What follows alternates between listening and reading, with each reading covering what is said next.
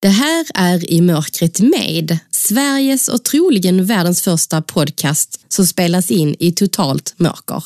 Stort tack till vår samarbetspartner Svensk skrivtolkning som gör det möjligt för fler att ta del av I mörkret med genom att texta våra avsnitt.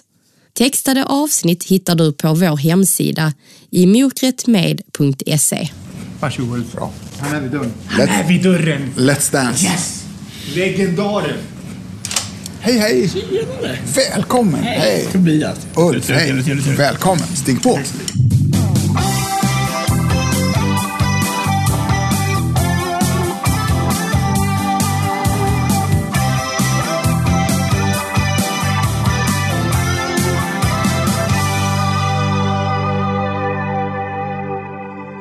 Hej och välkomna till 2020 års första avsnitt av I mörkret med. Jag som pratar heter Anna Bergholtz.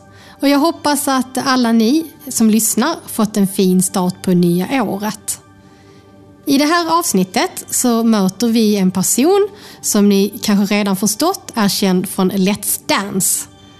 Han är just nu aktuell med sin bok Inte alltid en dans på rosor och reser land och rike runt och föreläser och försöker göra världen lite bättre. Nyligen så gick han ut offentligt och berättade att han är HIV-positiv.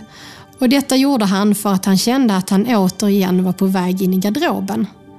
Han beskriver sig själv som en trygghetsnarkoman och fastän livet varit tufft många gånger så har han alltid sagt ja till livet.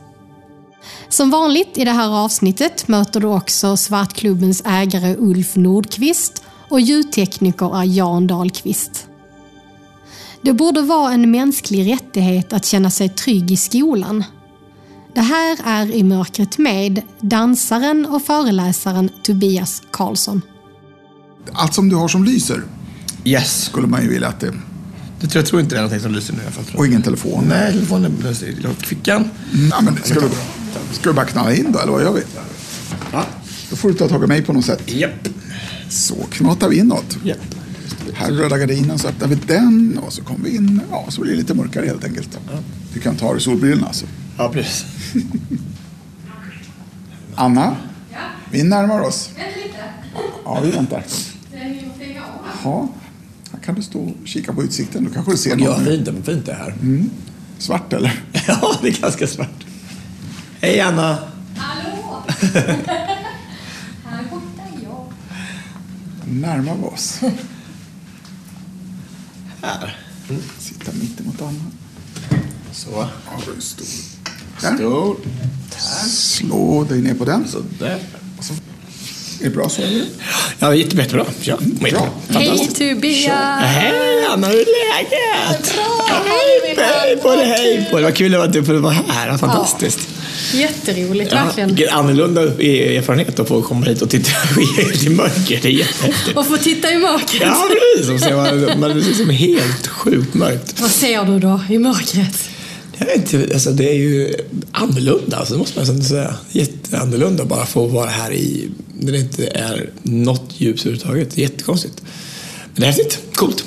Är det första gången du är på ett sånt här ställe? Ja, och jag skulle faktiskt ha varit här. Vi pratade faktiskt om det i vår podd för några, vet för några, några månader sedan. Ah. Och, och, och gå hit och äta, men, men sen så har vi inte fått gjort det. Så det, det är första gången jag får för mig i den här klubben i alla fall. Ja, då får du ta med dig Gabel hit sen. Jag ska göra det. Gab. Ja, nu, nu, har jag blivit, nu, nu är jag ju van. Nu är jag inbiten in i det Jag tänkte det. Då kan du vara lite så här kaxig och Ja, så. verkligen. Ja. Jag, jag vet hur det är som händer. Alltså, det, här är, det är min grej det här nu.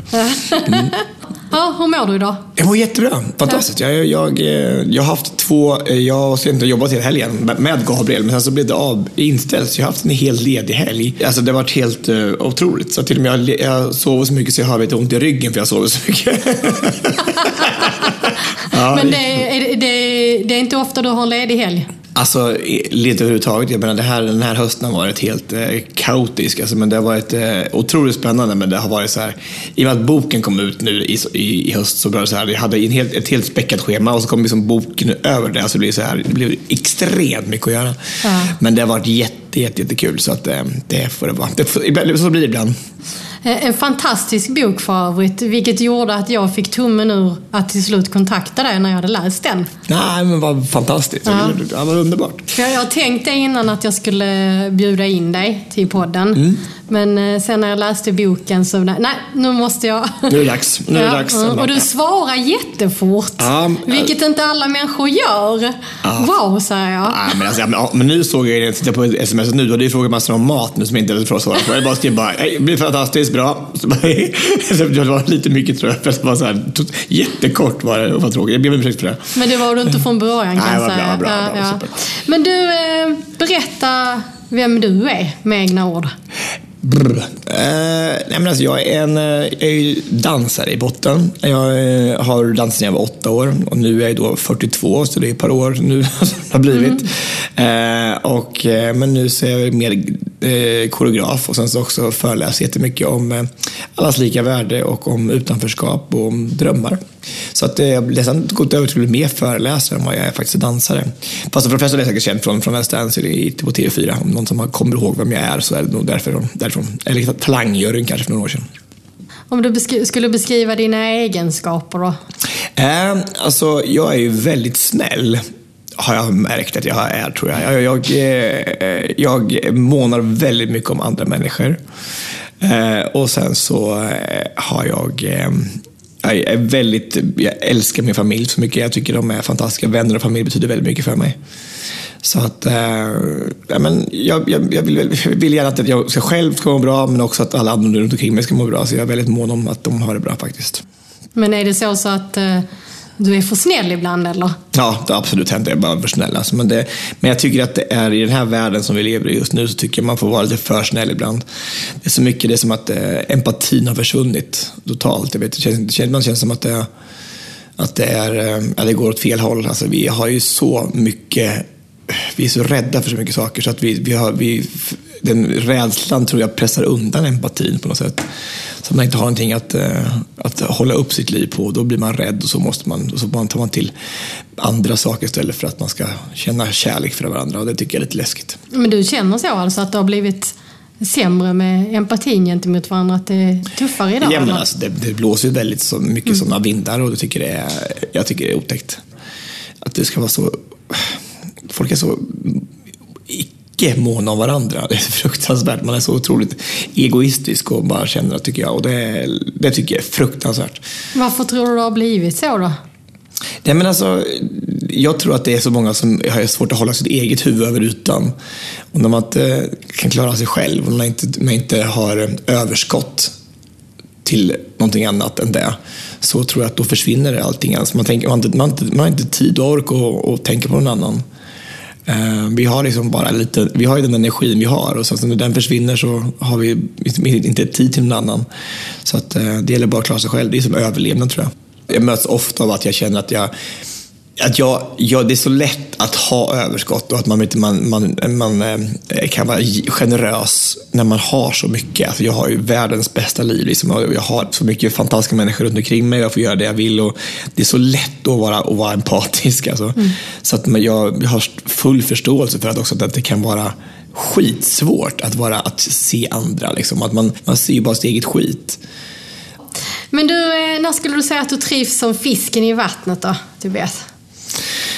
Nej men alltså, äh, alltså, jag älskar mitt jobb. Jag tycker det är fantastiskt roligt. Jag älskar att åka ut och föreläsa. Jag tycker det är jättekul att, att äh, inspirera, både med dans och med föreläsning egentligen. Så tycker jag att andra människor blir så glada om man får liksom, inte bara inspirera, man får också att eh, förändra. Och kanske du får hoppas att det blir, man, man sår ett frö hos folk och man, man, hur man kan bli en bättre människa, ett bättre jag.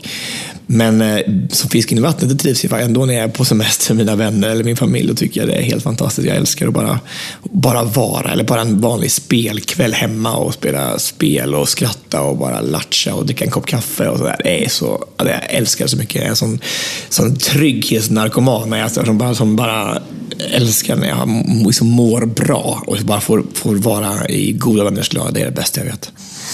Sällskapsspel, är det det ja. eller tv-spel? Ja. Det är Nej, sällskapsspel? Ja, jag älskar det. Så kul. Vi håller på med ett nytt spel som heter Carcassonne som är så, alltså vi, kan, vi är totalt beroende av det. Vad är det alltså, för något? Ja, men alltså det, alltså det är det, de är så smarta. De har gjort ett spel där man ska bygga vägar, man ska bygga städer och land och så här, och så kan man, det finns det olika utvidgade versioner av det här. Så det kan, det kan bli hur stort som helst. Det, ja, det är så jäkla kul. Jag älskar det. Ja, jag är också ett stort fan av sällskapsspel. Ja, vad tycker du är ditt favorit då? Alltså, vi har spelat mycket. Det är ju inte så trevligt egentligen, men det heter Cash and Guns. Aha. Har vi spelat en del. Och det är lite så här... Eh, man, ska, man ska spela någon typ gangster och ja, Aha. utmana varandra och sådär. Nej, men sen tycker jag det är kul med så här, eh, frågespel och sådana saker också. Så att eh, Yatzy och Uno, kortspel och sånt, det är alltid kul. Ja. Mm. Hur gör man, hur gör man, finns det du, för blinda kortspel för blinda? Då? Kan man se, hur, Ja. hur funkar det? Eh, nu har inte jag gjort det så mycket på sistone, men spela poker så är det ju en del eh, kompisar till mig som, som är blinda som gör. Ja. Och då är det ju märkt med punktskrift på. Ja. Så att man kan känna. Det tar lite längre tid bara för mig. det just det. Man, man, man ska känna, och du vet speciellt när man spelar Uno. det går, Det går fort också. Så bara, bara, Ja, och så bara känner man att eh, folk är taskiga mot en så man får massa kort på handen, du vet. Aj, gud vad elakt. Klocka fyra plus och Ja. så... Ja, Ja, precis, så det betyder- då tar det. Men då säger jag skylla själv. Det var ni som gav mig korten och tar lite längre tid. Så att, Ett parti tar flera dagar. Liksom, det- precis.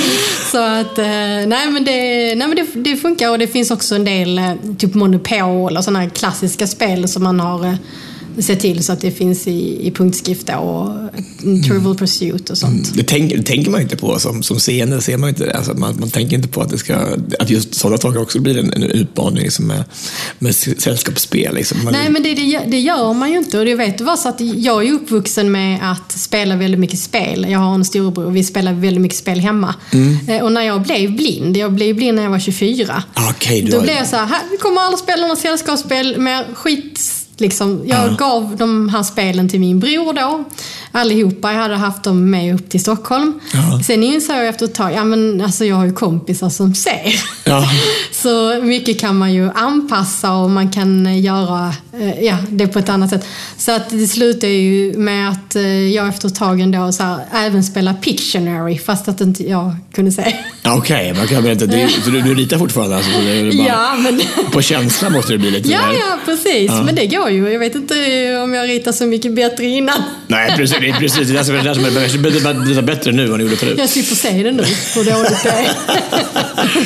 Men du, eh, eh, om vi hoppar till nästa fråga. Vad skulle du säga är det värsta som hänt i ditt liv? Så Ja, men allvarlig alltså, fråga. Mm. Ja, alltså, Livet har ju en förmåga att, eh, precis som jag skriver i boken, så jag tror att alla människor har en sån hylla i eh, universum där det står Tobias skit på, eller på ditt, ditt, ditt fall kanske står Annas skit på. Mm. Ehm, och så kommer det med jämna mellanrum. Man ska, när man, det är oftast när man tänker så här, nu när man står på toppen av, av livet och tänker att nu kommer ingenting någonsin kunna rubba det här. Det kommer gå fantastiskt och bara rakare vägen till himlen. Liksom, så här.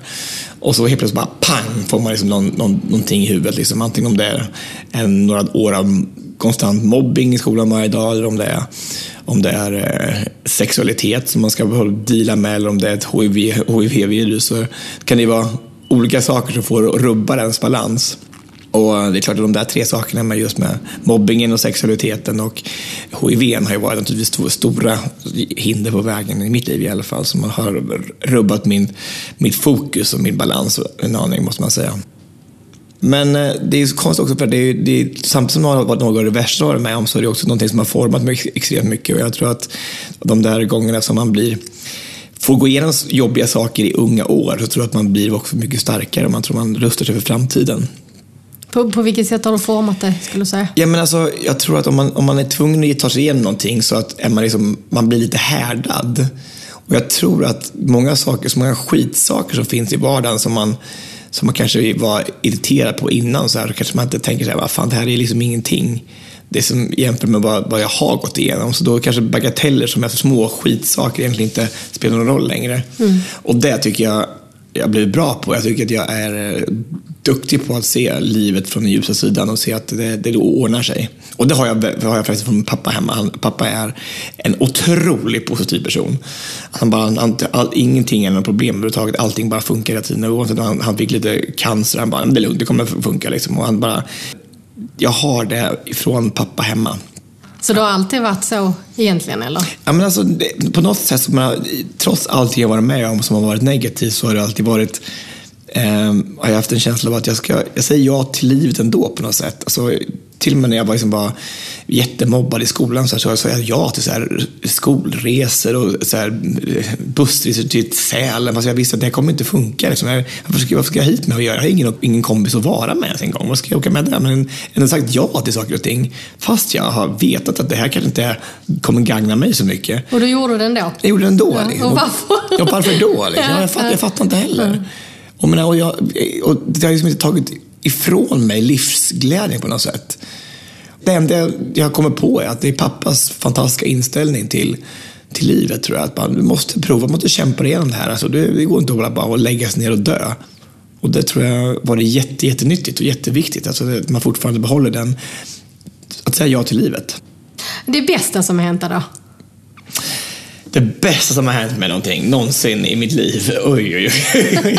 ja, men alltså, det, det, men det, det, vad kan det vara det bästa? Jag kommer ihåg att jag var, väldigt glad när jag fick en lillebror nu efter när jag var fyra år. Kommer jag ihåg. Det var fantastiskt. Um, vad svårt det är. Det är lätt att räkna upp massa dåliga saker. Ja, jag tänkte också på det nu. Faktiskt precis det jag bara tänka på. Ja. Det är ju så oftast att man kommer ihåg det som är det värsta, tuffaste. Ja de sätter kanske mer spår. Men det, alltså just så här äh, saker som det bästa som har hänt.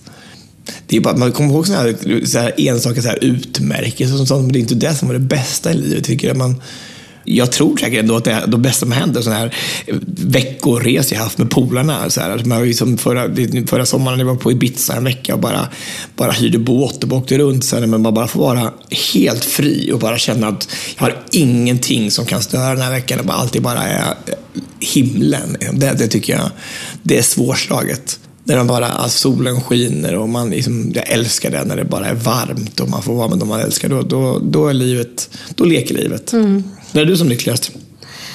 Oh, ja, men det är nog faktiskt eh, sådana saker. Jag har tänkt också på det där att eh, det är eh, när jag får vara ute på vårt landställe, gå ut i skogen eller sätta mig vid havet och bara höra mm. havet så här, klucka mot stranden. Att eh, ja, men komma hem och hunden är hemma och bara bli jätteglad av att jag kommer. Ja, men det är fantastiskt. Det är så ja, bara, moments ja. i livet. Fast det är, det är en väldigt bra sak för mig. Jag kommer ihåg att det, jag, eh, när jag kommer hem från en, en, en hel dags jobb, har rest och så kommer hem till lägenheten och får ta på mig mysbyxor och sätta mig i soffan med Jocke som jag bor med nu så här, och, bara, och bara vara där. Det är, ja, det är så mycket kärlek och det är så mycket värme och det är så hemma. Liksom. Så tryggt och så fruktansvärt skönt. Och, och, till och med vet att man har en dag ledig imorgon. Liksom. Det är så här, oh, det är, ja, det är bästa, det är bästa tiden någonsin. Eh, vi ska släppa in Ulf. Mm. Då ska vi se. Då får du en flaska av mig. Mm.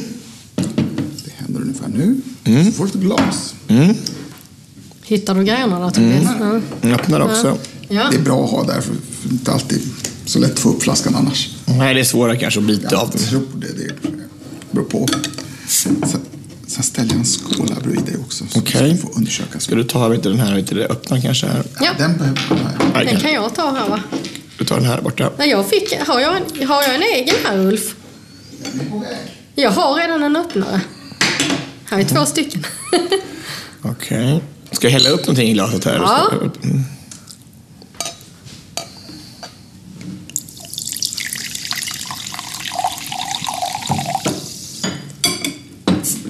En skål också. En skål har du fått, ja.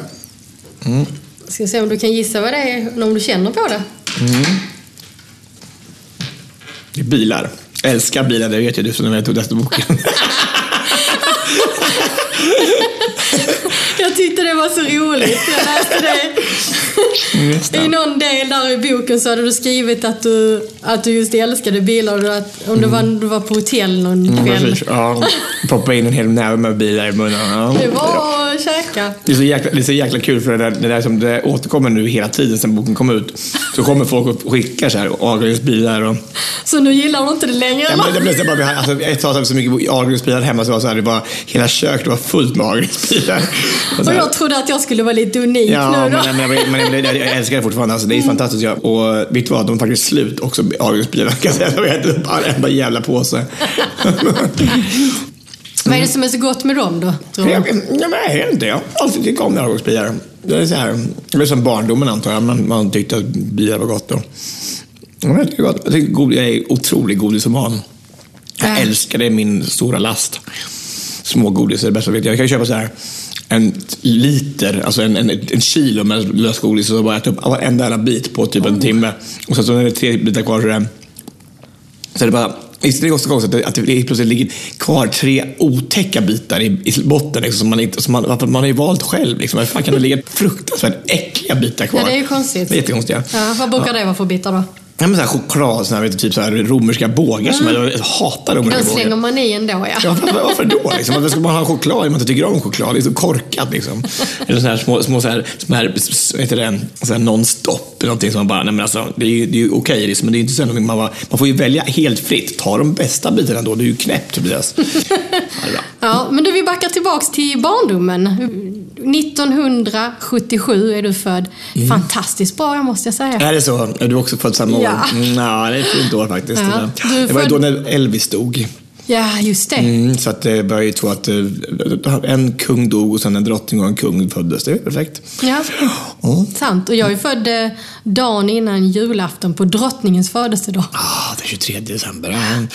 Du är född i maj. Maj. Mm. Så att, eh, då är du alltså är du stenbock då? Nej. Ja, gud vad du kan. Ja, är du intresserad av stjärntecken? Mm. Nej. Du bara satte den ändå. Nej, men, jag, men, alltså, men jag vet jag, men alltså, jag, har alltid lä, jag läste alltid horoskop när jag var liten, så här, Nerikes Allehanda så här, varje dag. Fast jag, var- jag inte dugg intresserad, jag trodde inte på det alls. Men jag, jag vet inte, det var så här... Det är kul. Ja, men det är lite kul. Jag, vet inte, jag vet inte vad det är, men alltså, jag, jag tror inte dugg på det. Men eh, i Östansjö Ja. är du uppvuxen. Japp. Mm. Östersjö var ganska fint faktiskt, men Hallsberg var ju en... Eh, det är ju... Det är så tragiskt när man kommer hem till Hallsberg. Det är ju inte inget, alltså, det är- det är inget större fel på Hallsberg så. Liksom. Det finns fina saker där också, men det är så här... Så typiskt en tätort, liksom, när inte allt är samlat runt ett torg, allting. Men nu är det så här utsträckt, så här, det finns inte, inte någon, riktigt någon, någon kärna. Och så liksom, är det bara så här öde och dött. Det är så tråkigt. Alltså, klart inte jag har några, du, några fantastiska eh, känslor för Hallsberg, med att jag hade sån jobbig tid där i skolan. Men, men, det, är så här, men det är ju det är tragiskt att det är så. Men eh, om jag, jag tänker dina första år. Det är Östansjö. Mm. Innan du började högstadiet, för det var väl då som, som mobbingen började först. precis. Så jag tänker innan det då, hur, hur var din uppväxt då? Ja, men då var det fantastiskt. Jag hade, jag hade en otroligt fin barndom. Alltså jag, alltså det var ju så tryggt att gå i Östansjö skola. Så här, och det var, var bara ettan till sexan. Och det var, vi, hade, vi bodde vid en liten, sjö hemma i Östansjö och, så här, och det hade jättefint. Och mamma och pappa och familjen var ju så sjukt trygg. Alltså det, är grunden till att jag kan stå här idag. Och liksom att jag hade alltid dem att luta mig mot i de alla sjuka och jobbiga tider. Så att, eh, nej men alltså Östansjö var fantastiskt. Så att, eh, det var ju först när jag började, när jag skulle börja åka, åka buss till Hallsberg som det började, så skiten började. Och det var i högstadiet då? i sjuan. Ja. Men det var innan det som dansen kom in i ditt liv? Ja, men alltså jag började dansa när jag var åtta redan. Så att, eh, och då började det först med, en, med ett projekt som hette Det går som en dans i Hallsberg. Så kom en, en eh, dam som hette Lena Jonsson som hade dansundervisning på eftermiddagarna. Och det fanns inte mycket annat att göra i, i, i Östersjö. Det fanns bara skidor och, och fotboll och kanske lite bordtennis. Så här. Och då så när det kom dans så tror jag de flesta gick faktiskt dansa på eftermiddagarna i vår klass i alla fall, kommer jag ihåg. Vad var det för dans? Ja men allting, så här blandad dans kallades det bara. Så var det så här, lite cha-cha-cha, lite disco, lite bugg kanske så. Så att det var allt möjligt. Men jag kände bara att jag hade en fallenhet för det tror jag. Jag kände, jag kände mig så, jag var ju inte direkt någon hävert på fotbollsplanen och så här. Så, att, eh, så jag tyckte att det här var väldigt, väldigt roligt. Och att jag kände att jag, att jag behärskade någonting. Det är så man, liksom, jag tror att alla har alla har någonting som de kan bara känna sig duktiga på tror jag. Så det gäller bara att prova så mycket saker som möjligt när man är ung så man hittar sitt, sitt gebit. Det var ändå tidigt att hitta det som åttaåring, tänker jag. Ja. Kände du det direkt? Jag vet inte eller om det är en uppdiktad, vet du, men, jag, men jag tror... Jag, måste, jag tyckte det var kul i alla fall. För jag menar, för de, det var inte alla som fortsatte dansa i Hallsberg när han, någon öppnade till en dansskola i Hallsberg, Lena. Så att, jag antar att jag måste ha tyckt det var väldigt roligt. Men vad, vad är det som är roligt med dansen då? Det händer någonting med, när man, man dansar och med rytmen och musiken och så här. Det händer någonting. Och speciellt i pardans är det någonting som, när man tar i varandra. Det är någonting med beröring som är något universellt, någonting som man måste ha. Det är som ett, ett mänskligt behov. Jag tror att vi, jag tror vi dansar alldeles för lite här uppe i, i norra, norra världen. Alltså det, det, här är ju, det blir så kallt, vi måste liksom ha mera värme. Liksom. Och jag tror att dans, det ger någonting. Alltså man, man, man får röra varandra på ett naturligt sätt som inte har liksom, varken sexuellt eller någonting som, som är onaturligt. Så känns det bara så bra. Jag tror att människan har bra att dansa. Det, det, det är så intressant. Jag eh, har ju varit på Kuba några gånger. Mm. Och jag trodde ju inte riktigt att det var så där att de stod ute och dansade mm. på gatorna.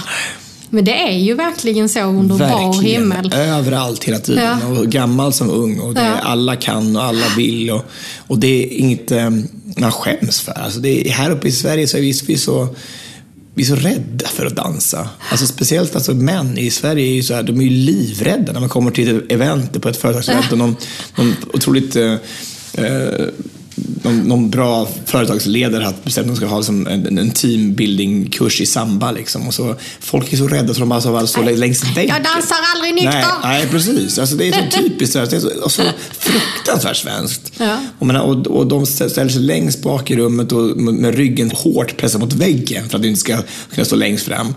Men sen så går det bara så en halvtimme och sen så så står de där längst fram och skrattar och svettas och man har blivit murar i, i företaget. Massa sekreteraren dansar med chefen och städaren och, och, och kamrern och så. Det är, liksom det, det är så livsbejakande att dansa ja. på något sätt. Så det, det, det händer något. Det händer ja, verkligen ja, någonting. Men varför är vi så, jag menar vi har väl också någon slags danstradition tillbaks i tiden?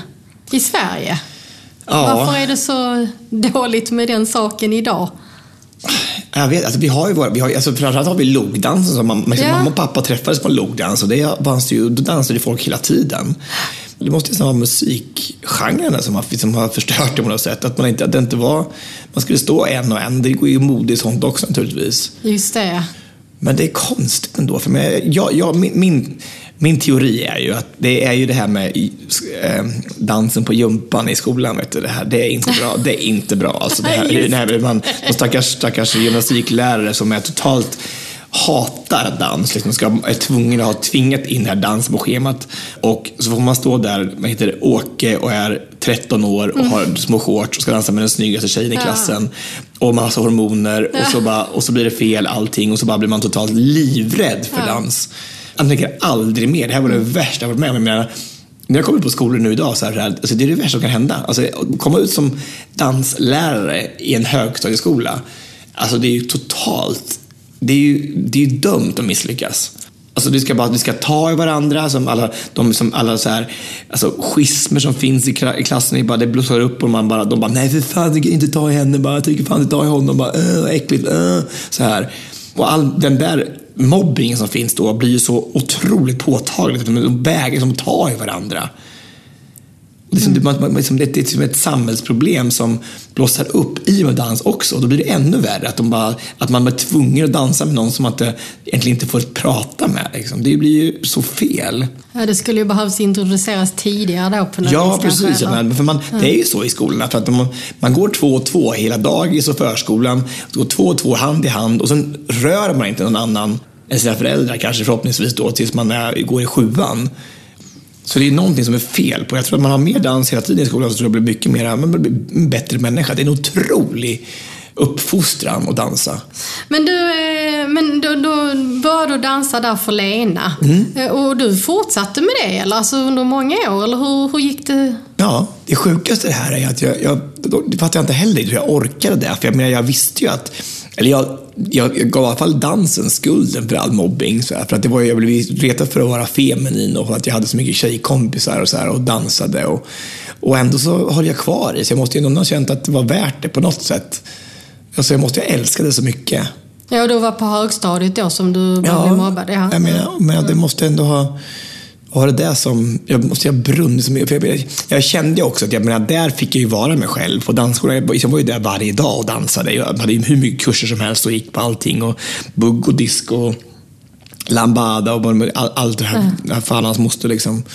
Så att, eh, och där hade jag, jag fick ju jättemycket kompisar och hade, fick massa bekräftelse och ryggklapp och vad duktig du är. Så, här. så det är klart, man, man älskar ju att vara den miljön naturligtvis, när man känner sig uppskattad.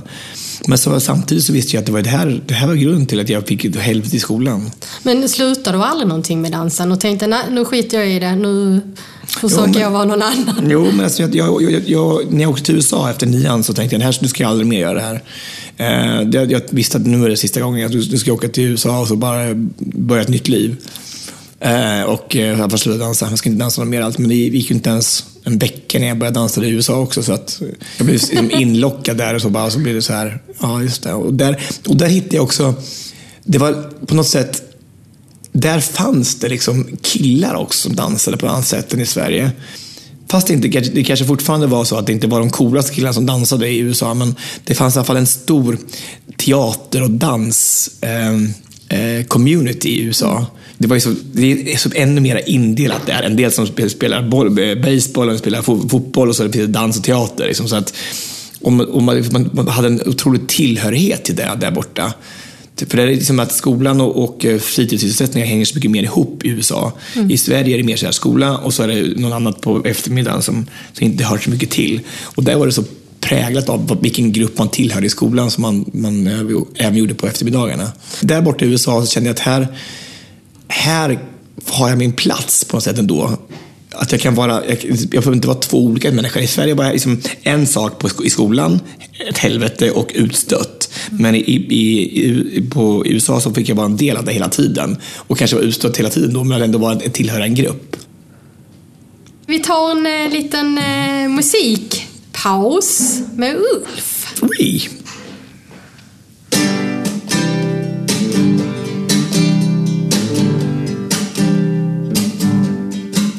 Jag har slagits med mig själv för att nå fram till säker mark. Har slagits med mig själv i djupa vatten. Nu har jag kämpat färdigt, jag är oslagbar och stark. Kan ta mig fram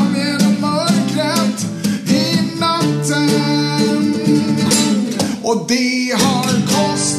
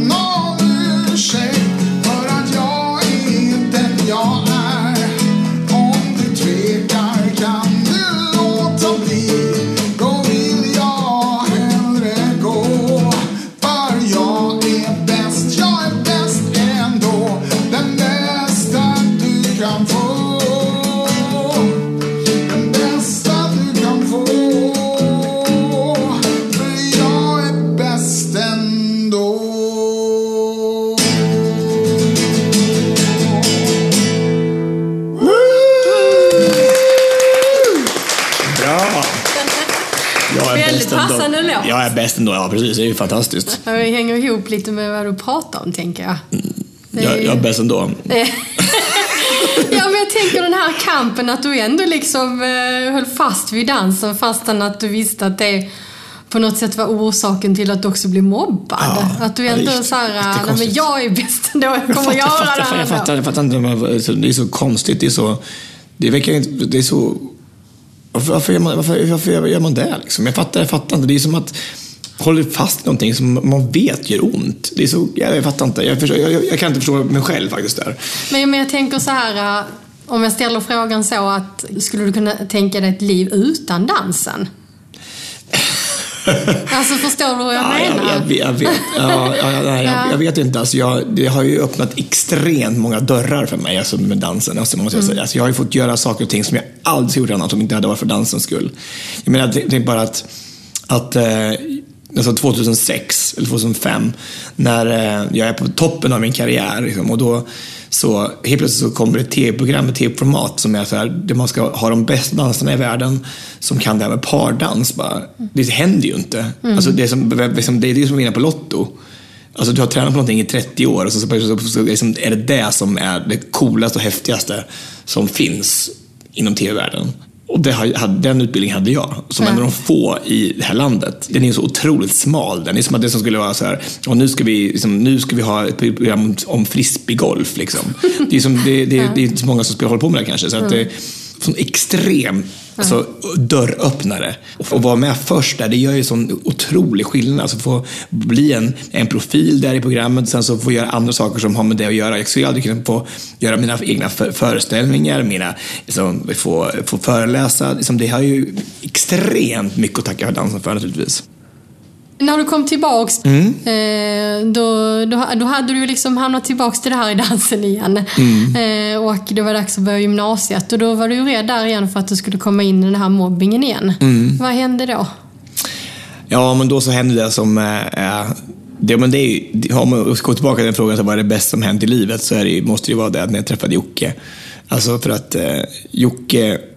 Jocke hade liksom känt genom hela mitt liv egentligen. Han var ett år yngre än mig. Jag var en av mina gamla klasskamraters eh, yngre bror. Eh, så han har funnits som i periferin hela min uppväxt. Men, men den här sommaren så började vi umgås mer och mer. Han kom in i liksom ett killgäng som vi började hänga med så här, under den här sommaren 93, 94. Och sen hoppades jag att han skulle börja min klass på gymnasiet. Vi skulle börja samhällsprogrammet bägge två. Och om, och om han hamnade i samma klass så hade jag haft en människa att ty mig till lite grann. Och, men det gör han inte. Han, han hamnar i, i C-klassen nu jag hamnar i A-klassen. Och så den här första veckan på Alléskolan i Hallsberg så, så går det ut på en enda sak. Att alla de här riktiga fotbollskillarna, coola, häftiga killarna i samhällsprogrammet, de tjatar på Jocke hela veckan att han ska, att han ska byta till deras klass för att toppa laget. Liksom. Han är så jävla bra på allting. Han är bra på allting inom bollsport och är världens mysigaste människa och alla älskar honom och så här. Mm. Och jag tänker, jag har ju ingenting att sätta emot det. Liksom. Vad ska jag, då ska jag ju kunna erbjuda liksom, för mer än min vänskap till honom. Men sen så sker det som, som är... Alltså jag, jag fattar liksom inte ens idag. Liksom, Jocke säger ju då att han, för honom var det inget konstigt val. Klart han skulle gå i samma klass som mig, för han tyckte om att hänga med mig. Men för mig var det så här ofattbart då, att han valde att gå till min klass. Det började liksom den här vänskapen. Jag för första gången på flera år hade någon av att hålla mig i, någonting att känna mig trygg med. Någon att, att hänga med på rasterna och göra allting med och bara få ha en riktig vän i skolan. Och få gå till skolan varje dag och känna sig trygg. Det var en sån otrolig vändning i livet. Det borde ju vara en, en mänsklig rättighet att få känna sig trygg i skolan. Och, och därför har det liksom blivit mitt kall i, i livet att få ändå sprida den, det budskapet om att man faktiskt kan göra för andra människor. Att man kan stå upp för varandra och att man faktiskt som människa har rätt att gå till skolan, till jobbet och känna sig trygg. För det är, det går inte att beskriva skillnaden på de två sakerna. Gå runt och vara rädd hela tiden och bara, men man blir stel och spänd och man, liksom, det, man blir, det påverkar ju fysiskt illa. Så att eh, det här var ju en otrolig vändning. Men eh, upphörde mobbingen eller den, den började inte ens där igen på gymnasiet då? Alltså, det är klart att det fanns fortfarande så här, men, alltså, men, men Jocke var så jävla trygg i sig själv och han sa till några gånger så sa, sa ifrån och så bara, vad håller ni på med? De är huvudet, här är min polare, lägg av med det där. Liksom. Och när, man, när man nämner någon som har sådana mandat som han hade, liksom, han, han var så självklar. Det finns ju massor med människor i varje grupp Alltså i en klass, eller på en arbetsplats, i en församling eller i en familj som har det där, den där oskrivna statusen som kan påverka andra människor och inte, och inte riskera någonting av sin egen status egentligen. Och bara kan påverka folk att tycka och tänka rätt på något sätt. Och då hoppas man bara på att den här människan som har den här statusen använder det till någonting gott och inte någonting ont. För det finns ju två vägar att gå. Liksom man kan använda det för, som, som Hitler eller så kan man använda det som Jocke gjorde och bara sprida glädje och kärlek. Och det, jag tror att där i ligger någon typ av lösning tror jag på det här med, med mobbing. Alltså att, att vi runt omkring som bara tittar på eller som kanske står där med något mandat om hur man, att man kan hjälpa andra. Att vi fattar att vilken makt vi har egentligen. Och kan hjälpa varandra. Alltså för att för att det jag har förstått nu här, jag, jag håller ju på med det här varje dag i mitt liv och mitt arbets, i mitt, i mitt eh, föreläsande och så, att det kostar ju ingenting. Visst, det kan vara lite läskigt kanske då att gå fram till någon och, så, och fråga hur är det på stan eller, eller så här. Men när man har gjort det och vågat göra det en gång, så känner man bara så här, det händer ju fysiska saker i kroppen hos en då. Alltså, det händer ju saker i hjärnan, liksom dopaminet och ämnen i för att känna, känna sig lycklig utsöndras när man hjälper andra. Så egentligen är det som en egoistisk sak att hjälpa andra. För man, känner sig, man, man mår bättre själv. Men häromdagen, jag gick bara gick fram, bara, bara, i och med att jag jobbar med det här så, liksom, så tvingade jag mig själv att göra saker och ting. Jag gick fram till en, en dam som satt och grät i en trappuppgång och bara frågade hur är det? Och hon bara, nej men det, det är lugnt, det är, bara, det är bara mycket just nu så här. Ja, men bara att jag hade gjort, gått fram där och, och frågat hur är det så jag gick därifrån med på rosa moln. Jag tänkte bara, jag, jag vågade. Jag gick fram och, och, verkligen gjorde någonting. En sån liten positiv handling för en annan människa. Att man bara, liksom, någon frågar så här, vill du sitta här vid mig i matsalen i skolan? Liksom. Det kunde ju hjälpa mig en vecka. Bara någon liten god handling som någon gör kunde betyda allt för mig. För man har liksom inget annat att, att hänga upp livet på. Och då en liten, liten, liten, liten positiv push i någon riktning kan betyda livet ibland. Men Jocke då, alltså när, gymnasietiden, alltså förstod han då, tror du, vad han gjorde? Nej. Nej, nej, Därför ni är ju fortfarande vänner idag. Ja, och, ja, och, och har pratat om det antagligen. Ja, tusentals ja. gånger med och jag har fått övertyga honom hur mycket han betyder. Han, och det är också när vi är ute nu för vi gör en del jobb tillsammans just nu, jag och Jocke. För vi har en, ett projekt som heter Du kan göra skillnad. Där jag åker först ut och föreläser på skolor. Och sen kommer han två veckor efteråt och tar varje klass Eh, för sig och bara reflekterar över föreläsningen och så tar han där, vad finns det för möjlighet i den här klassen? Vad har vi för, för människor med, med status här som kan göra en skillnad i klassen och så? Finns det några sådana självklara figurer? Och han säger alltid så bara, man tror inte att man kan hjälpa, eller det man gör, att det betyder någonting. För det är så lite. Men just där och då så är det så mycket för mig som inte har den där statusen, som inte känner mig trygg, som inte känner att jag har en plats i den här skolan. Så ska bara ett, ett hej i korridoren betyda allt. Ett hej betyder så mycket. Så det Jocke gjorde då, att han bara fanns där och bara var med mig på rasterna, det var ju ovärderligt. Men han fattar ingenting. Han fattar absolut ingenting. Han, fattar sin, han gör inte det? Jo, men det, alltså, nu, nu, nu, nu, nu, förstår han. Alltså, du måste men, förstå ja, nu, efter, efter en bok, 77 000 föreläsningar, så förstår han att det kanske hade ett visst inverkan på mitt liv. Mm. Men det är ju fantastiskt. Alltså, det är en lång vänskap ja. som ni har haft. Ja, och, ja. och nu, nu är vår inneboende hos mig, alltså vi bor tillsammans till och med. Alltså det, är så här, det, är, ja, det är fantastiskt att ha någon, en sån vän som känner en så väl och som har varit med genom allting. Och så, du har läst boken också, så du vet ju att han också har varit igenom en del saker i sitt liv. Så att, ja, han har haft tufft en tid och var sjuk. Precis. Var, var han utbränd eller var, ja, förstod det, man vad det var för någonting som hade hänt? Ah, Alltså, ja, det är en kombination av saker. Liksom. Det, det, är när, när, det, det, funkar när en bägare rinner över, men när alla bägare börjar rinna över, det då, då slår det slint på något sätt. Alltså jag, jag är bara tacksam att jag hade, jag visste att jag hade mobbning i skolan eh, och kanske lite sexualitet förvirring där, alltså, men jag hade fortfarande familj och min dans att hålla mig i. Alltså, men det var när alla bägare börjar rinna över och det börjar sina överallt, då orkar man inte längre. Hur mår Jocke idag då? Nej, men nu mår han fantastiskt. Alltså, vi vi mm. mår faktiskt väldigt, väldigt bra bägge två. Och vi är så otroligt glada att få göra det här projektet tillsammans och få åka ut och, och att vår historia kan bidra till att andra mår bättre att vi kan påverka i rätt riktning är ju så en sån ynnest. Att vi får att, att allt det som vi var igenom, att vi kunde få, få berätta det och få, få um, andra människor att känna lite mer hopp. Ja, det är fantastiskt. Mm. Jättebra. Men eh, har, har ni kunnat eh, så här, eh, gå tillbaka till de här skolorna där ni har varit och, och sett om det har gjort någon förändring?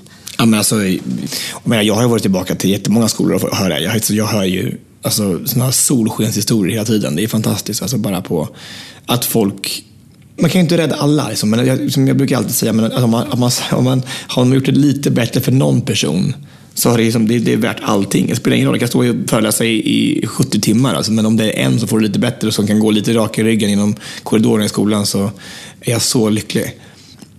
Jag hade ju 3000 fjärdeklassare nere i Kristianstad. Eh, jag tänkte säga, jag var livrädd. Jag hade liksom alla samlat 3000 fjärde, liksom, tioåringar i en arena liksom, och tänkte, hur ska det här gå? Och föreläsa. Så satt de bara där och lyssnade i, i, i 75 minuter. Eh, och verkligen så jag tänkte bara, det här är helt sjukt, alltså, att det här funkar. Och jag var så överväldigad av den här upplevelsen, att, att det hade funkat.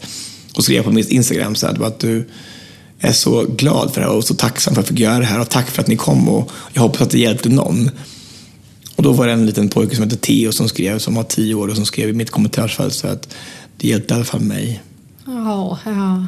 Alltså, det, det, det, det går inte att beskriva det. Alltså, att Nej. om en människa bara känner så, att det hjälpte så på något sätt så, så är det ju så... Ja, det är då, då, kan ja. man kämpa på i, i 70 veckor till. Och det är säkert många fler som känner så, för alla har ju inte alltid av sig. Jag var också nere i Sölvesborg förra veckan. Och med det, Sölvesborg har ju varit i, i blåsväder nu ja. med allting som händer där nere med, med brända prideflaggor och vad det nu kan vara. Så oavsett vad det beror på så, så var det tufft att åka dit ner och föreläsa. För man, man, man känner liksom av polariseringen på ett helt annat sätt. Och när man vet att, att, att problematiken finns där nere så tydligt. Hur kände du det då? Kan du beskriva? Nej, men man, man, man, man, märker på att, att det är man tycker ju absolut inte att alla har all lika mycket värde och det märks även hos eleverna.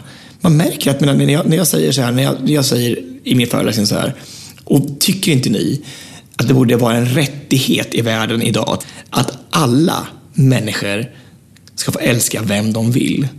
Och visst, det är jättemånga som skriker ja naturligtvis, men jag hör även nej, nej, nej, nej här borta, här där. Och det är så här, hur kan man nu för tiden mm. tycka att, att, att det är legitimt att tycka så. Ja, det är jättekonstigt. Och, och, och att, att, att, man även får uttrycka det ja. högt. Att det inte ens är pinsamt längre. Att, det, att det är någonting som... Precis, att det inte ens är pinsamt. Nej. För jag tänker, menar, det är en sak att en människa kanske tycker så, men man säger ingenting. För Nej. man tycker att nej, det där kanske man egentligen inte borde tycka. Nej. Nej, det är jättekonstigt. Det, det är så konstigt. Mm, ja. Och jag förstår inte hur vad det är för någonting som ligger hos en då som gör att det är, vad är det som är så så läskigt? Vad är det som skapar rädslan, hatet för det här? Och det handlar både om sexualitet och, och etnicitet och, och, i viss mån kön också, klass. Att man, att man tycker sig stå över andra människor. Mm. Och så länge man inte gör en annan människa illa, hur kan det då vara grund till att man inte har samma värde som någon annan? Alltså jag, jag förstår inte det. Men har, har du själv kommit fram till liksom var, var, varför du tror att, att det blir så? Varför det blir så att folk tycker ja, att... att folk är, är rädda eller varför man tycker så? Eh, jag tror så här att eh, när det kommer till sexualitet så tror jag en bov i dramat kan vara att man eh, det är så här, att om man, om man nu en gång i livet, vi alla, alla människor är ju sexuella varelser, och så har man kanske någon gång haft en dröm kanske om eh, någon, att ha sex med någon av samma kön, eller man kanske har haft, till haft en, en, en erfarenhet av det. Det har hänt någonting någon gång i ens liv så här. Och så blir man livrädd för att man har haft den här tanken och det här kanske gjort det här. Och så tänker man, nu är jag bög eller nu är jag lesbisk eller bi och, och, och, vad allt det nu innebär. För att om man då har, är klassad som det är, klassar sig själv som det är, då innebär det att man måste liksom komma ut och så kanske man måste gå en jävla omväg i livet. För det är det faktiskt fortfarande att, att vara homosexuell. Att det är så att det är inte lätt alls. Alltså det, för det finns så mycket fördomar och förakt så att det, här, det vill man liksom inte. Man vill inte komma ut och göra så här. Men bara för att man har haft en erfarenhet eller en tanke betyder inte att man är alls ens är bi. Det är, bara en, det är bara en erfarenhet. Det har ingenting med sexualitet att göra. Jag tror bara att rädslan för att man haft den tanken kan vara så enorm att man tänker bara, nej, aldrig, jag hatar det så mycket. Och man förnekar det och man pressar undan det så mycket att man bara börjar hata istället. Och det tror jag är en stor, stor, stor bov i det här dramat. Att man mm. tror att man ska vara tvungen att välja den banan för att man har haft en sån erfarenhet. Och så är det absolut inte, naturligtvis. Fattar du vad jag menar? Ja, absolut, ja, absolut. Men eh, du, får, du skulle berätta någonting om vad som hände där i Sölvesborg också. Hur blev det sen då? Ja, men det blev jättebra. Alltså, det blev fantastiskt. Alltså, och de här gångerna man har varit med på sånt ställe man verkligen har fått kämpa för att få fram budskapet lite extra så känns det ändå så mycket bättre sen när man får tillbaka de här mejlen och bara, folk bara tusen tack och, och vad, vad, vad, bra det var och vad, vad det hjälpte och vad vet du, det här behöver vi verkligen höra. Och, ja, men det är fantastiskt, verkligen. Sista föreläsningen vi hade så kom det fram en kille som drog sig kvar efter att hans kompis hade gått och sa så här att eh, jag, jag är ju egentligen eh, mina kompisar är rasister och, eh, och, men jag fick lov att prata med dig och berätta att jag tyckte du var jävligt modig som stod och sa det här uppe. Och jag vill bara säga tack så jättemycket. Det betyder så mycket. Alltså, någon ens bryr sig om att göra det.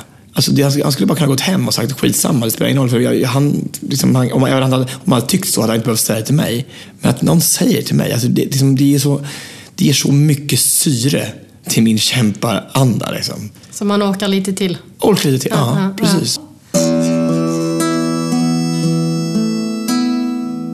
Tack till vår samarbetspartner Svensk skrivtolkning som textar avsnitten av I mörkret med.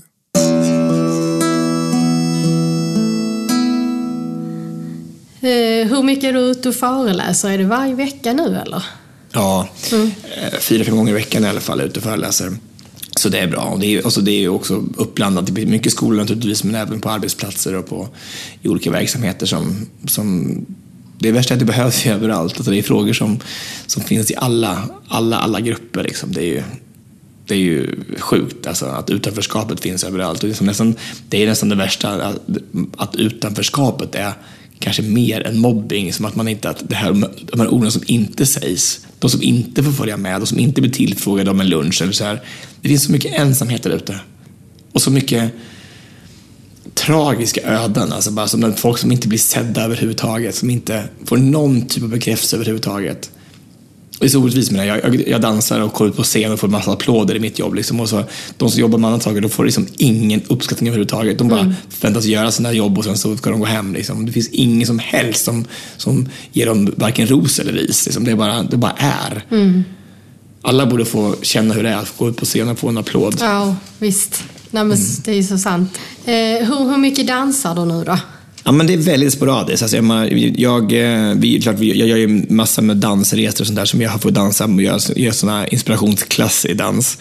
Men eh, jag har fortfarande mitt danskompani, men där just nu så håller vi på och eh, skapar en ny föreställning så att vi håller på och skriver mest och med manus och med idéer och med, med koreografi och så. Så jag har dansat så mycket själv just nu. Men det kommer om ett år så tänker jag så går jag koreografera igen och så ska vi igång med showen på riktigt. Vad blir det för något? Ja, det är hemligt. Ja! Okej, okay, jag försöker i alla fall. Mm. Men eh, för att du, du, du, körde ju Let's Dance i våras fast du från början inte hade sagt nej. Mm. Ja, precis. Mm. Och anledningen till det, var, varför sa du nej från början? Uh, alltså, Let's Dance är fantastiskt roligt, men man ska, jag, kom, jag har gjort det 17 gånger. 17 gånger? Mm, 17 wow. säsonger Let's Dance har jag gjort det. Och det är, ehm, det är alltid fantastiskt att ha den här resan tillsammans med andra människor. Men det är också 17 gånger blir också 17 gånger och det är li, lite same same. Alltså, så här. Och det tar extremt mycket tid. Alltså, och när man är med i Let's Dance så får man liksom inte man kan liksom inte planera sin tid eh, som man vill. Och det här med mina föreläsningar och allt sånt annat runt omkring är jätteviktigt för mig. Att få göra det. Och jag tycker det är, där jag gör mer nytta kanske än i Let's Dance på något sätt. Eh, så att eh, det är en prioriteringsfråga naturligtvis från min sida, vad jag vill göra och inte göra. Men sen så är det ju, alltså, jag ska ju säga det, jag hade ju fantastiskt kul. Jag fick lite blodad tand faktiskt i våras, för jag tyckte det var fantastiskt att dansa med Magdalena. Hon Ja. var magisk alltså, på alla Magdalena sätt. Forsberg, ja. Fantastisk tjej alltså. Ja. Alltså ett hjärta av guld och ett pannben utan dess like. Det var så otroligt häftigt att få göra den här resan med henne. Ja, men alltså, det, det, här, det är ju naturligtvis det är ju stora fantastiska kvinnor som har varit med i Let's Dance. Så många som jag dansar med har varit extremt eh, de har ju liksom en karriär bakom sig och ett liv bakom sig som heter duga. Och få den ynnesten att vara med de här och få lära känna dem på riktigt och få, få den här resan tillsammans och prata om livet och prata om, om ditt och datt och, och bara få, få umgås så mycket. Och, och faktiskt lära känna på djupet så är ju en sån otroligt häftig resa. Ja, för jag tänker det att eh, det måste ju bli väldigt speciellt att eh, ha den här eh, liksom, dansrelationen. Man Mm. tränar jättemycket. Jag menar i synnerhet med Let's Dance, det, det har man ju förstått såklart. Ja, visst. Ja. Ja, det, det är ju speciellt för man, det är ju verkligen en... Det finns ju ingen annan i världen som har varit med om samma resa som just vi två då. Alltså det är ju liksom ingen som inte kan fatta hur, vad, det, vad det innebär.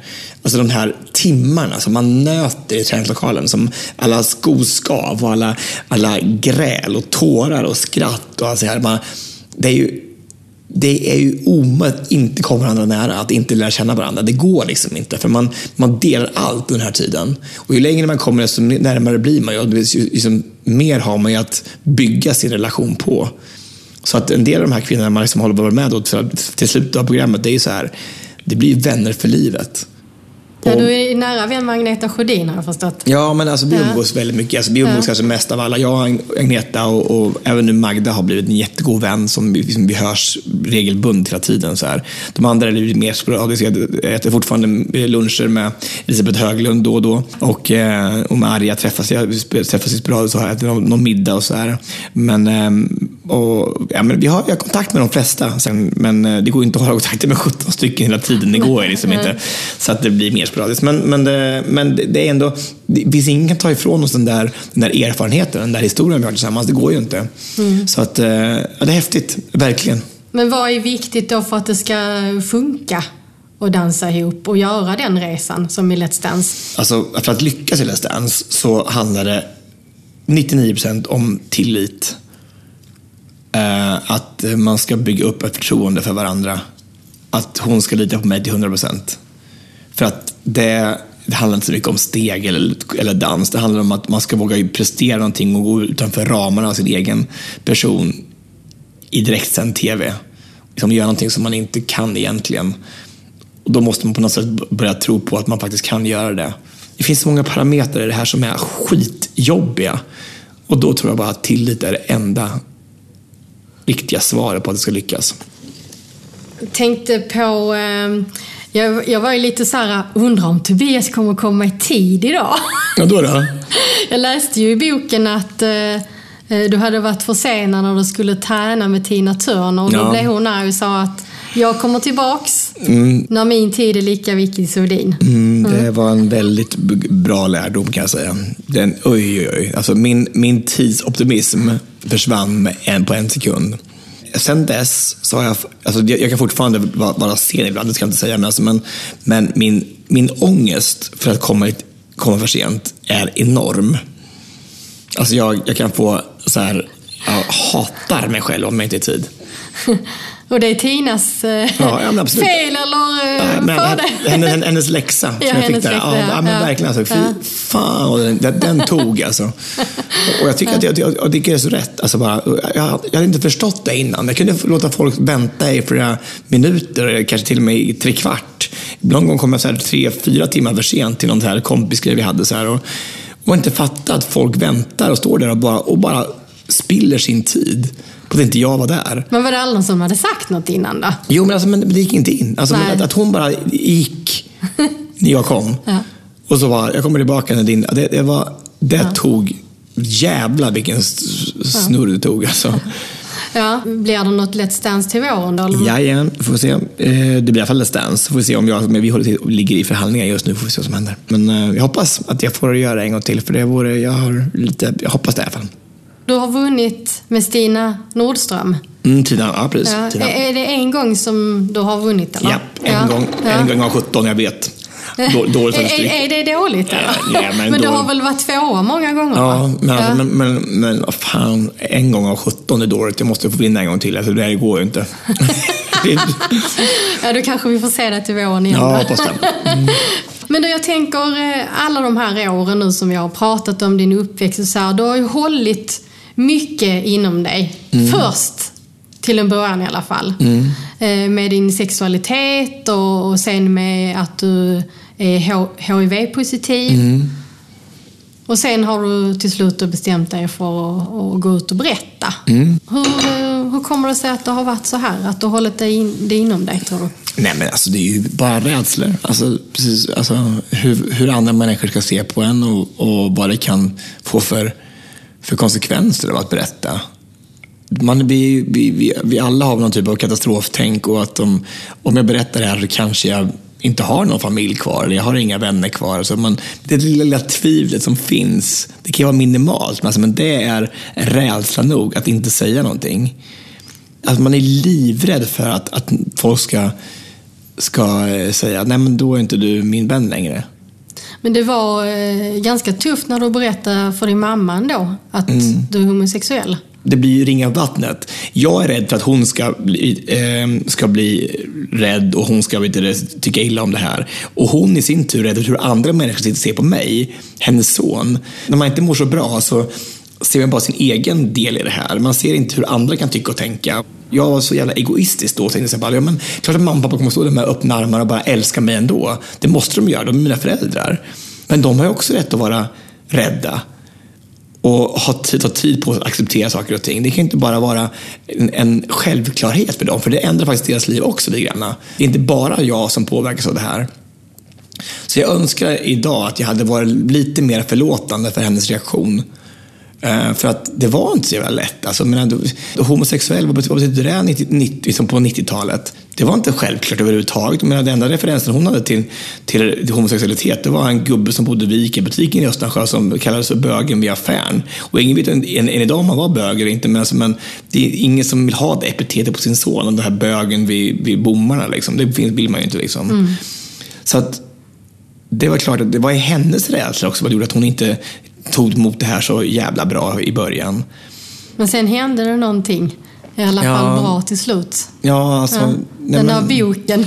Ja, jag fick en bok av min tidigare flickvän i julklapp som heter Bög, så funkar det. Och sen så, nej, så slutade det med att eh, mamma kom in en, en, en, en sen kväll i mitt sovrum med den här boken.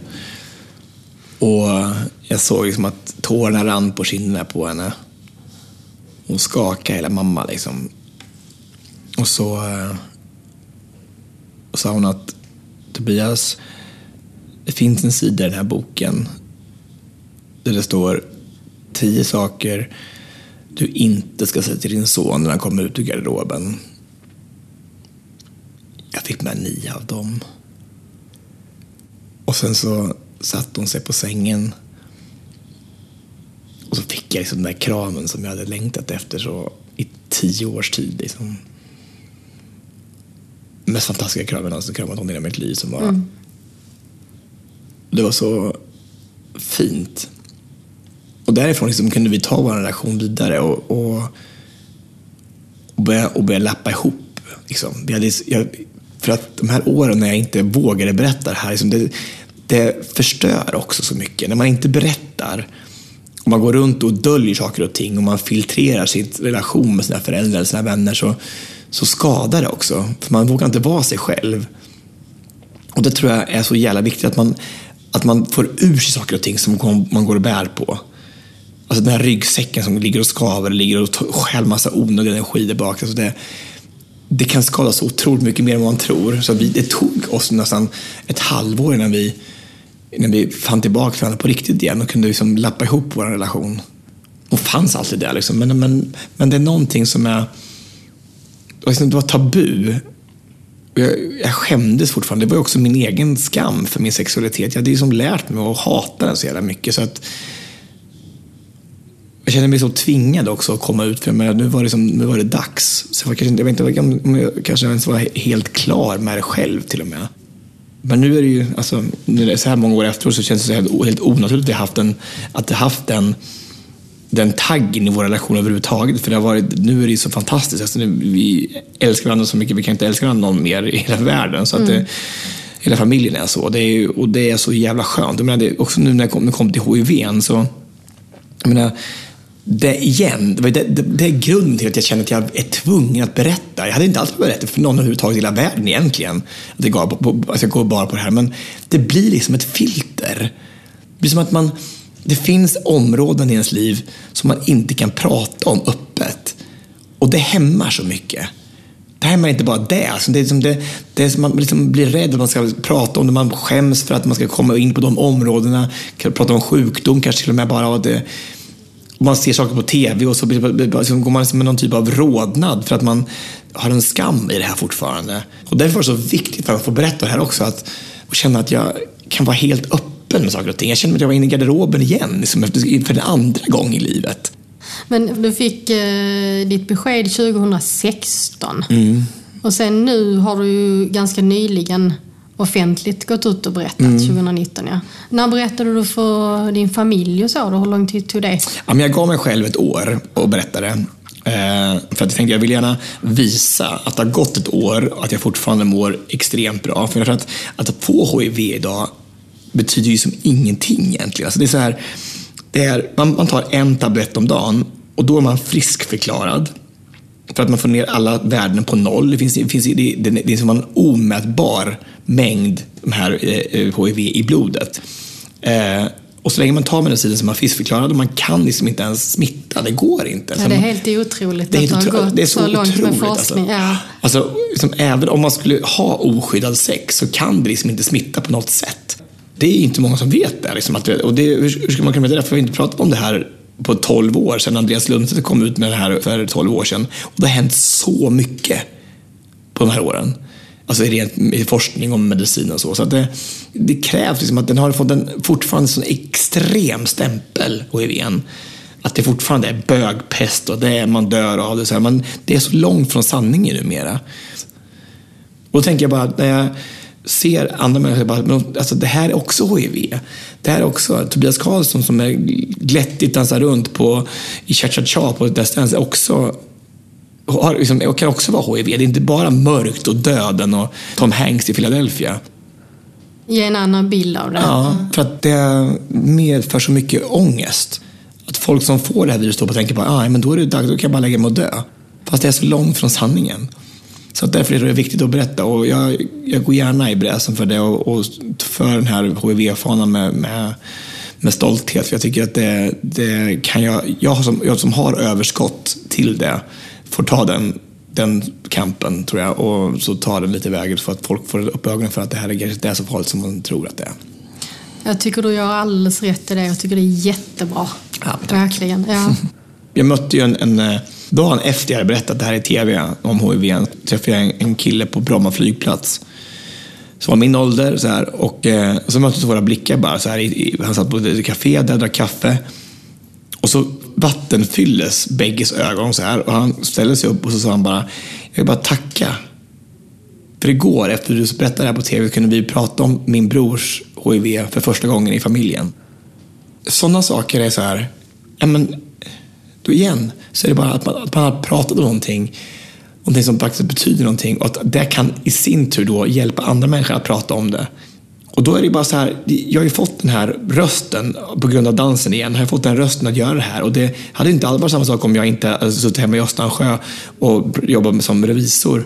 Jag hade inte haft alls samma röst. Så nu måste jag, i och med att jag har det här fantastiska livet jag har, så måste jag ju också få, få ge tillbaka lite grann och bara få säga att nu är det min tur att ta den här bördan och bara... För att allting, allt, allt, allt i världen som har kommit framåt, alltså med kvinnlig rösträtt, kvinnors rättigheter, homosexuella rättigheter, allting, det börjar med en kamp någonstans. Allting är det. Och, menar, och då måste någon ta den kampen. Då får, och då kanske tar det emot i början, men, alltså, men vi måste göra den. Annars kommer vi aldrig komma framåt och inte få, inte få en bättre värld. Men du, vi ska alldeles strax börja avrunda Tobias. Eh, hur eh, skulle du säga att det har känts nu, suttit här i mörkret? Man vänjer sig liksom. Mm, ja, men igen, man, det, jag tänkte i början här så tänkte jag så här bara, tänk om de kommer att mörda den här nu, tänkte jag i början. Så här, det, men alltså, det, det, är, det, alltså, allt det, det, igen, det okända är läskigt. Ja. Jag vet inte alls hur det är, alltså, ett ett mörkt rum för mig är ju väldigt, väldigt, väldigt annorlunda. Och det skapar en rädsla på något sätt. Att, att det kommer upp så här konstiga, irrationella tankar i huvudet. Så här, bara, nu tänk om det här bara, det kanske bara en fälla det här, bara SD-människor som vill mörda. ja. Nej, men alltså, det, men det, det, blir så, av rädsla. Ja, så, blir, så, kommer det upp. Man får såna tänk såna om tankar, känslor. Ja, tankar, ja. Men, alltså, men nu så är det ju, det är, det är jätteskönt. ja, vad är det som är skönt då? Nej, men alltså, det, det är inte så mycket intryck, det är bara du och jag och våra röster. Och det, är- det är också en ny erfarenhet. Att man, man, att jag, känner, jag hör- jag hörde förut när jag hällde upp vattnet i glaset, vad högt det var. Det porlar det så här. porlas Ja. annars jättemycket. Och Ja. det, det, det blir en helt annan dimension av, av sinnena som, som förstärks. Jag fattar varför man, man blir bättre på att höra när, man, när ett sinne försvinner. ja, det blir ett annat sätt att se. Mm, Verkligen. Vi ska köra snabbfrågor. Ja. Eh, te eller kaffe? Kaffe, Chips eller smågodis? smågodis, Det visste jag att du skulle säga! Spara eller spendera? spendera. Hemmakväll eller utekväll? Både och. Måste jag säga. Det får Nej, jag man. tar ett ut, ut, utekväll. Varför det då? Varför Nej, var men, du det nej, nu men, då? jag, men jag, jag, jag tycker inte jag har så mycket tid till det här just nu, så det är kul att ha en utekväll. Vi hade en utekväll i lördag som var väldigt kul, så jag, just nu är jag lite inne på utekväll. Mm. Kött eller grönsaker? Eh, grönsaker. Barn eller vuxna? Vuxna. Katt eller hund? Uh. Uh, pest eller kolera. Uh, Nej, du gillar inte det alltså? Nej, hund. Det sa du nu för att jag har en hund, eller? Nej, nej, nej. nej, nej, nej. Du gillar inte katt Nej, hund? men, men, du gillar inte djur? Jo, alltså, jag tycker om, jo, men, alltså, jo, men så här, nej, men alltså, nej, alltså. Man får säga vad man tycker. Jag, tycker- jag, tycker, här. jag tycker inte att det är så... Det, det, jag kan ju inte ha någonting av det. jag kan inte ha en hund eller katt. Jag kan inte ha det här med lägenheten. Jag, kan inte, jag reser för mycket. Och så tycker jag bara att folk, den verkar mest vara i vägen tycker jag. När, man, när, man, när, man, när folk ska ute och resa eller så, så måste de hitta en hundvakt så kan de inte följa med. Jag, jag, jag fattar inte. Det är klart, jag fattar att man, man, man får ett relation till hunden eller katten som man inte har med andra människor. Så här, naturligtvis. Men, men jag tycker också att det kör väldigt mycket jobb. Du är ingen djurmänniska helt enkelt. ja. Eh, alltså nej, jag, jag, jag, jag, tror inte, jag ska inte ha djur. Nej. Nej, det är bra. Prata eller lyssna? Eh, jag lyssnar nog mer. Händig eller tumme mitt i handen? Åh, tum mitt i handen. Globetrotter, resa runt eller sommarstuga på landet? Det. Och sen sista, ljus eller mörker? Jag tror jag föredrar just ändå.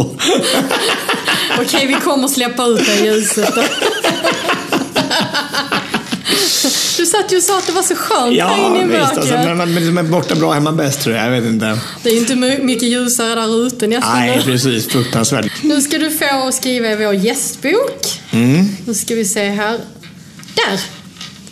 Där. Där. Där. Och ska, man- ska, är, det- är det på rätt sida här nu? Det? Där du känner gamet på den sidan kan du skriva vad du vill. Är spetsen ute förresten? Jag vet inte. Ja, vad tror du? Alltså blir det svårt. Du skrattar. Ja, det är skitsvårt att skriva. Är det svårt att skriva i mörkret menar du? Ja. I know.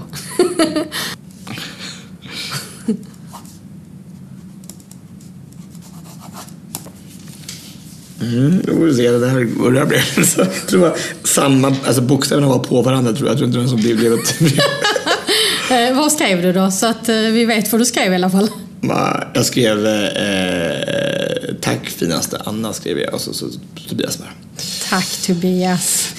Och eh, man kan ju lyssna på dig i din podd Ja. med Gabriel. I säng med Tobias och Gabriel. Jajamän. Ja, och sen är du aktuell med din bok som heter Inte alltid en dans på rosor. Den finns både som eh, ljudbok på Bookbeat och Storytel och så kan man köpa den på, på eh, en bokhandel.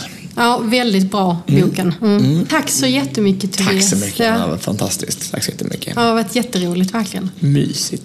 Du tar med dig bilar.